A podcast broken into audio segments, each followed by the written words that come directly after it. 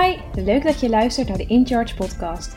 De podcast waarin wij, Mark en Natasja, je wekelijks meenemen in allerlei onderwerpen met betrekking tot persoonlijke en lifestyleontwikkeling.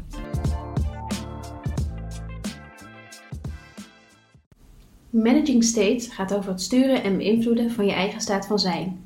Je bewustzijn van wat je voelt en dit kunnen aansturen, aanpassen en er invloed op uitoefenen is een enorme nuttige skill om over te beschikken.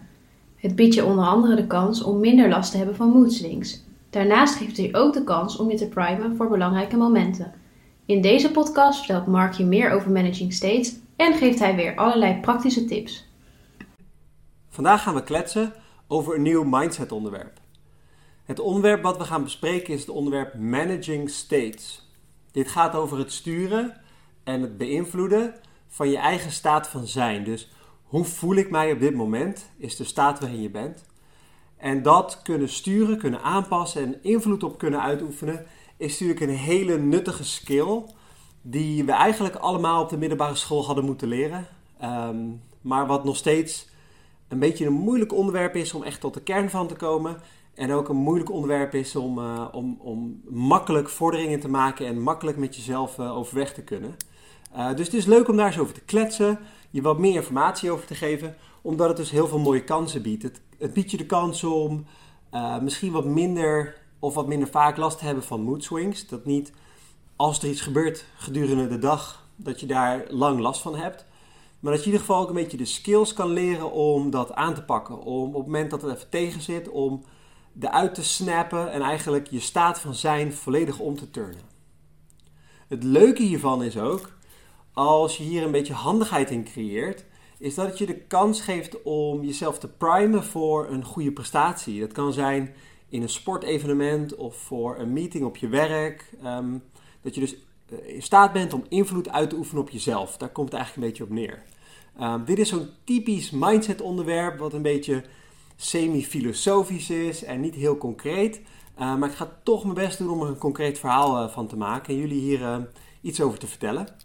Um, en het belangrijkste om te weten of misschien te snappen dan is hoe je staat eigenlijk tot stand komt. Hoe wordt dat bepaald? En wat ik je wil vragen is om ehm, voor te stellen dat je een driehoek ziet. Met in het midden van die driehoek um, eigenlijk de kern van hoe je voelt.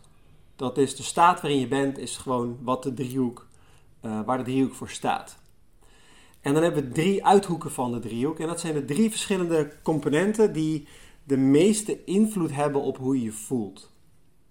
En het eerste component is focus. Dus waar jij uh, op focust, waar je aandacht voor hebt, wat je ziet gebeuren om je heen, wat je hoort, wat je ruikt uh, en waar je aandacht aan geeft, bepaalt wat je binnenkrijgt en dus ook hoe je je voelt. Dit is misschien heel erg logisch, maar ook hetgene waar we misschien uh, van de drie het minst bewust van zijn. Dus focus is één van de drie die je staat bepaalt. De tweede is taal. Dus jouw woordkeuze bepaalt hoe je je voelt. En het is de woorden die je gebruikt, de manier waarop je het zegt, de intonatie ervan. En daar zijn we als mensen mega gevoelig voor. Als jij je vriend of vriendin opbelt en je vraagt aan die persoon hoe gaat het met je en ze zeggen goed of goed of goed. De, de, de, de, de minuscule verandering in hoe ze het woord goed uitspreken geeft jou al uh, echt bakken met informatie over hoe voelt die persoon zich daadwerkelijk en wat wil die persoon mij op dit moment uh, vertellen. Uh, zo ontzettend gevoelig zijn wij voor taal. Deze, deze taal, deze woorden, hebben we intern. Dus wat uh, zeg je tegen jezelf in je hoofd, maar ook extern. De woorden die je kiest om te gebruiken, zeggen iets over hoe jij je voelt. Uh, misschien is het ook wel weer logisch, uh, maar je kan je voorstellen dat als jij vrolijk bent, jij andere dingen denkt en andere dingen zegt dan dat je niet vrolijk bent. Dat is misschien de meest simpele manier om het uit te leggen. Het belangrijkste om te onthouden bij taal is dat je wil eigenlijk wel weten dat je lichaam luistert. Dus we zijn er vaak net niet genoeg bewust van wat we tegen onszelf zeggen en wat we tegen anderen zeggen. Uh, maar wat je tegen jezelf zegt in je hoofd, dus wat je denkt eigenlijk, ehm, je lichaam luistert, je lichaam reageert hierop. Want woorden hebben altijd betekenis en hebben waarde. En, ehm, eh, en, en wat je uitspreekt is natuurlijk helemaal iets waar jezelf, maar ook de mensen om je heen naar luisteren. Dus uh, superbelangrijk taal. Het, tweede punt van managing states. En dan de derde. Degene die het meest direct werkt, die het meest direct invloed heeft, heeft op je staat van zijn, is fysiek. Is gewoon um, je lichaam. Eigenlijk hoe je beweegt, hoe je ademhaalt um, en hoe je uh, nou met je eigen lichaam omgaat. Sta je stil, zit je, lig je, ben je aan het rondlopen. Uh, en ook kleinere details, dus heb je een glimlach op je gezicht, sta je voorover gebogen, een beetje down of sta je mooi trots en rechtop. Dat zijn um, allemaal fysieke kenmerken die je staat van zijn beïnvloeden. De nummer 1 van een hardloopwedstrijd zijn hele fysiek ziet er anders uit dan de persoon die um, uh, vijfde of tiende geworden is, die verwacht had eerste te worden. Als je niet zou weten wie er gewonnen heeft, maar je ziet die twee mannen of vrouwen vlak na de race alleen maar naast elkaar, dan kan je eigenlijk al vrij snel, zonder dat ze een woord uitgesproken hebben, uh, zien wie die wedstrijd gewonnen heeft. Dat is allemaal een voorbeeld van hoe duidelijk je fysiek invloed heeft op hoe je je voelt. Ik hoop dat dit een beetje te volgen was. Ik denk het eigenlijk wel. Um, uh, kort wil ik je daar nog wat, uh, wat meer over vertellen. Want nu we de onderwerpen te pakken hebben, is het wel eens leuk om te kijken van oké, hoe ga ik dat nou inzetten? Hoe ga ik nou skills aanleren om daar iets mee te doen? En er zijn heel veel verschillende manieren van. En ik denk dat deze podcast een beetje te kort is om, om daar helemaal doorheen te gaan. Maar ik denk wel dat het leuk is om een aantal voorbeelden te geven van hoe je het zou kunnen inzetten, zodat ik je er zelf even over aan het denken kan, uh, kan zetten. Als we het hebben over het beïnvloeden van je staat van zijn en we gaan kijken naar focus, dan kan je dus zelf gaan nadenken over je focus. En een mooi voorbeeld wat ik hiervan uh, van heb is, um, ik heb een keer een atleet gecoacht die ontzettend veel moeite had met hardlopen. Die persoon vond het maar niet leuk. Die vond het niet leuk om hard te lopen. Het liefst uh, deze, die workouts waar hardlopen in zaten, deze liever gewoon niet. Best wel logisch. Uh, tot, ik, tot ik een keer die persoon zag hardlopen buiten. En het viel me op dat die persoon ook echt een beetje neerslachtig erbij liep. Dus die persoon focuste gewoon op hoe ontzettend vervelend het was. En die kwam er maar niet uit tijdens het lopen. Het enige wat ik heb meegegeven bij die atleet is heb je al gezien wat een prachtig mooie dag het is vandaag? Het was 20 graden, het zonnetje scheen en die persoon was alleen maar naar de vloer aan het kijken, want die baalde zo van hardlopen.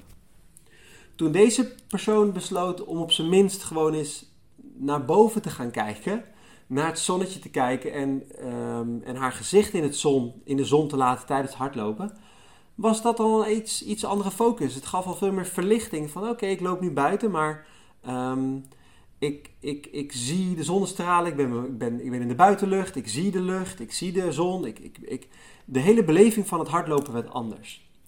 Nu zie je ook al direct in dit voorbeeld hoe, hoe dicht het samengaat met taal en fysiek. Dus iemand ging ook rechterop lopen, ging ook anders tegen zichzelf praten. Dus dus nooit één uh, component wat je helemaal los kan behandelen. Maar het begon wel bij focus. Het begon bij, oké, ik ga op iets anders, me iets op iets anders richten. Bij taal kan je nadenken over bijvoorbeeld positievere self-talk. Dus een soort van confirmations. Dat je jezelf vertelt van hé, hey, ik, ik kan dit. Uh, ik heb hier hard voor gewerkt. Dat je eigenlijk op een positieve manier tegen jezelf praat. Um, waardoor je uh, eigenlijk een soort van het negatieve stemmetje een klein beetje weg kan werken. Wij zijn ook heel erg fan van realistische self-talk. Niet per se uh, extreem positief, maar gewoon realistisch tegen jezelf zeggen dat je iets kan als je ook de verwachting mag hebben dat je iets kan. Um, een ander voorbeeld hiervan is journaling. Als we eind van de dag of in de ochtend of wanneer je het doet, onze gedachten op papier zetten, zijn we eigenlijk dus bezig met taal en zien we zelf wat we opschrijven. En dit is een prachtige mooie manier om jezelf te coachen en soms ook je staat van zijn te veranderen. Dus dat zijn wel handige manieren om daarmee om te gaan. Het derde component was je fysiek, je eigen staat van zijn bepalen door je lichaam te veranderen. Een mooi voorbeeld hoe dit goed wordt ingezet is bijvoorbeeld door um, een van de bekendste motivational speakers, Tony Robbins. Als hij een stadion met mensen gaat toespreken tijdens een, um, een seminar of een, een trainingsdag, dan begint hij vaak achter de schermen op een trampoline. Hij springt op en neer op die trampoline, hij bounce lekker op en neer om zijn hele lichaam in een soort van staat van energie te krijgen om dat hele, uh, vervolgens het hele stadion uh, zijn energie te kunnen geven. Dus het is compleet anders als je net van de bank afkomt of dat je op die trampoline gestaan uh, hebt, hoe aanstekelijk en hoe echt de energie is die je uit gaat geven aan mensen. Een ander voorbeeld hiervan is in de rugby, waarbij ze um, van die hakka's doen om indruk te maken op de tegenstander, maar ook zichzelf um, te primen om um, uh, gemotiveerd en met energie zo'n wedstrijd in te vliegen. Een ander mooi voorbeeld, en dit komt wat dichter bij huis voor mij, is de rituelen die sommige tennissers hebben. Uh, het mooiste voorbeeld is denk ik de Spaanse tennisser Rafael Nadal, die allerlei gekke gewoontes, rituelen en patronen heeft voor die gaat serveren. Maar de werking hiervan is vaak om zichzelf in een staat te brengen van kalmte. Een staat van rust om het lichaam te laten spelen en niet zichzelf in de weg te zitten met zijn eigen gedachten. Deze rituelen is gewoon een, aangeleerd uh, proces, een aantal gedragingen achter elkaar om tot rust te komen en jezelf in een staat te brengen waar je altijd in bent als je een goed punt gaat spelen. Heel interessant, uh, een hele leuke manier om met je eigen staat van zijn te spelen. Takeaways voor vandaag. Ik hoop dat ik met um, soort van het, uh, het model, hè, je staat van zijn wordt beïnvloed door je focus, je taal en je fysiek. Dat ik daarmee je een klein beetje aan het denken kan zetten. Um, en je een soort van tools een beetje voorzichtig kan geven om zelf je staat van zijn te gaan beïnvloeden. Op een dag dat het even tegen zit of even niet gaat zoals je had gehoopt.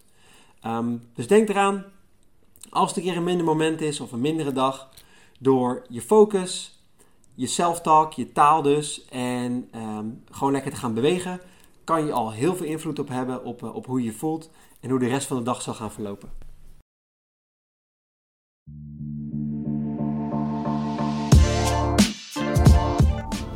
Leuk dat je hebt geluisterd naar onze podcast. Zit je na het luisteren met een persoonlijke vraag? Stuur ons een berichtje via www.incharge.academy. Dan nemen wij contact met je op voor een gratis kennismaking. Vond je het onderwerp interessant en ben je benieuwd naar meer? Neem dan eens een kijkje op onze podcastpagina en onze Instagram. Heb je feedback of tips voor ons?